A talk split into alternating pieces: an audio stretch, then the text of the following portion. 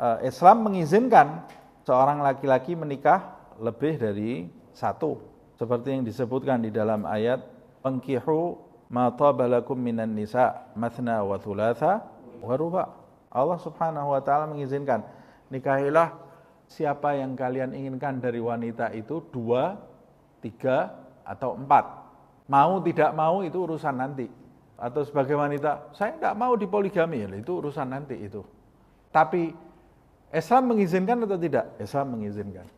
Tapi dengan catatan, sebab e, kamu mau menikahi satu wanita saja, wanita itu bukan benda mati. Dia makhluk manusia yang dimuliakan oleh Allah Subhanahu wa taala. Bahkan kamu lahir dari rahim seorang wanita.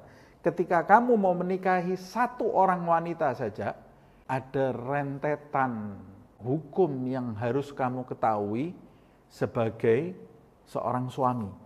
Menikahi satu wanita, tanggung jawab kamu sangat besar. Memiliki satu wanita, lebih-lebih lagi memiliki dua wanita.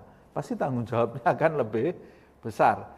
Atau bahkan tiga atau empat wanita, tanggung jawab kamu pasti akan lebih besar.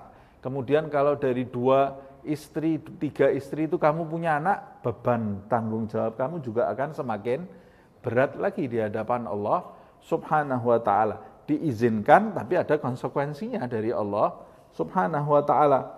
Lah, lalu bagaimana Ustaz? Ditutup pintu poligami? Tidak akan ditutup pintu poligami. Oh, dibolehkan kok ditutup. Poligami itu boleh. Tidak ada yang bilang pintu poligami zaman ini sudah tidak ada lagi. Dia nabi baru apa? No, Al-Quran tidak membatasi poligami itu sampai kapan.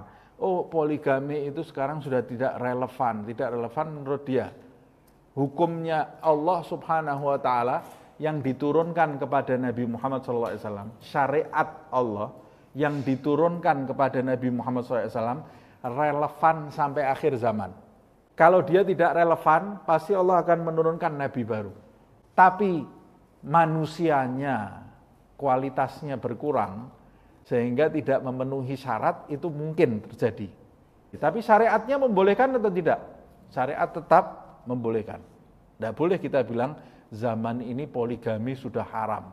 Hanya saja syarat-syaratnya harus harus difahami. Mempermainkan e, wanita hukumnya haram.